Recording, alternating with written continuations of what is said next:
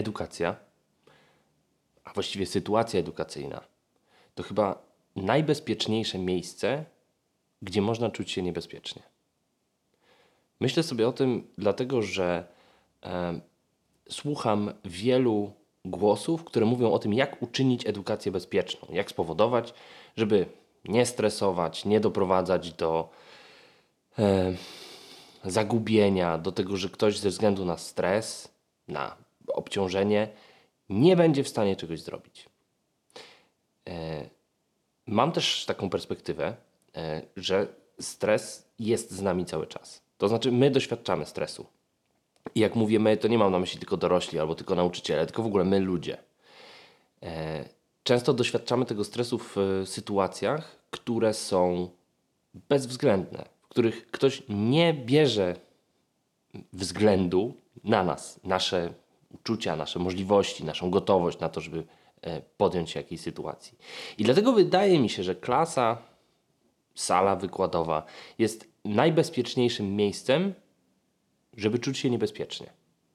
Albo inaczej, żeby czuć, że moje bezpieczeństwo e, rozumiane jako pewnego rodzaju komfort jest zagrożone. Dlatego, że e, chociażby poznawanie nowej wiedzy jest zagrożeniem dla naszego dotychczasowego rozumienia świata, dla naszego dotychczasowego e, sposobu patrzenia na rzeczy i no, dla naszego komfortu. W związku z tym e, edukacja jest pewnego rodzaju wyjściem z bezpieczeństwa. Natomiast moja teza, że to jest bezpieczne, najbezpieczniejsze miejsce, żeby czuć się niebezpiecznie, wymaga kolejnych założeń. To nie jest tak, że w każdej sali jest bezpiecznie. To nie jest tak, że jeżeli nam prowadzącym wydaje się, że jest bezpiecznie, to ludzie po drugiej stronie też to czują. Zatem myślę sobie o tym, co robić, żeby y, budować taką sytuację, w której moi uczący się będą mieli y, gotowość na to, żeby pozbyć się swojego bezpieczeństwa na czas bycia w sali ze mną, w zamian za to zyskując nowe spojrzenie, nowe zrozumienie albo właściwie e, nowego siebie. I myślę sobie, że bardzo często takim elementem, który mi pozwala zyskać przekonanie, że moi uczący się e, czują się bezpiecznie, jest e, to, że zwracam się do nich bezpośrednio, że ich pytam, że e, komentuję i nie zawsze mówię, że mają rację mam taki zwyczaj, że mówię tak, ale, co de facto znaczy nie. Pokazuję różne perspektywy, ale za tym nie idzie ocena. Nie idzie taki głos, że to było głupie, albo no ja bym z czymś takim się nie pojawiał. To jedna kwestia. Druga kwestia dotyczy tego, co bardzo często jest traktowane jako powód do tego, żeby kogoś zwolnić, na przykład z wystąpień publicznych albo z y, wypowiedzi na forum. I bardzo często takim argumentem jest introwersja. Jestem introwertywny, w związku z tym nie będę prezentować, nie będę e, mówić przy wszystkich, nie będę e, się nagrywać, nie będę pokazywać potem tych nagrań itd. Tak e, w związku z tym, że introwersja nie jest chorobą, nie jest y, ograniczeniem, jest pewnego rodzaju cechą. W związku z tym dla mnie introwersja nie jest powodem, dla którego ktoś miałby czegoś nie zrobić, ale jest powodem, żeby ktoś miał zrobić to inaczej. Bardzo często e, osoby, które może nie, nie tyle są introwertywne, co są nieśmiałe, mają trudność w tym, żeby wyjść i powiedzieć, czują, nie, nie czują się bezpiecznie w takiej sytuacji. Zatem pytanie nie jest takie, co zrobić, żeby oni nie musieli tego robić, tylko co zrobić, żeby oni robiąc to, nie czuli, że strach, że niepewność odbiera im dostęp do ich wiedzy, do ich umiejętności, do, ich, y, do tego, co chcą powiedzieć. No i jednym z ważniejszych elementów, żeby to zrobić, jest przygotowanie. I to jest przygotowanie trochę inne i trochę bardziej wymagające tego, żeby dokładnie wiedzieć, gdzie zaczyna się moja myśl, przez co idzie i do czego prowadzi.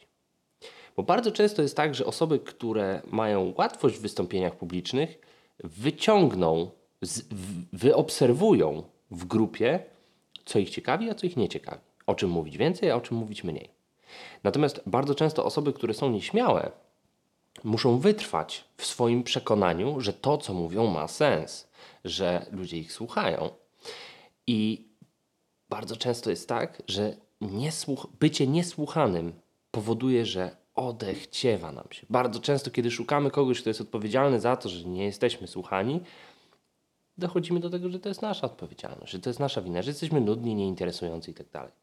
A bardzo często elementem, który jest potrzebny, to zaplanowanie tej wypowiedzi w taki sposób, żeby wiedzieć, co mam powiedzieć, nawet wtedy, kiedy nie jestem w bezpieczny sposób słuchany. A naszym zadaniem, zadaniem prowadzących takie zajęcia jest to, żeby zwrócić uwagę na to, że słuchanie jest potrzebne. Na to, że y, z tego słuchania można się dowiedzieć więcej niż z niesłuchania, niż z niekontrolowania swojej uwagi.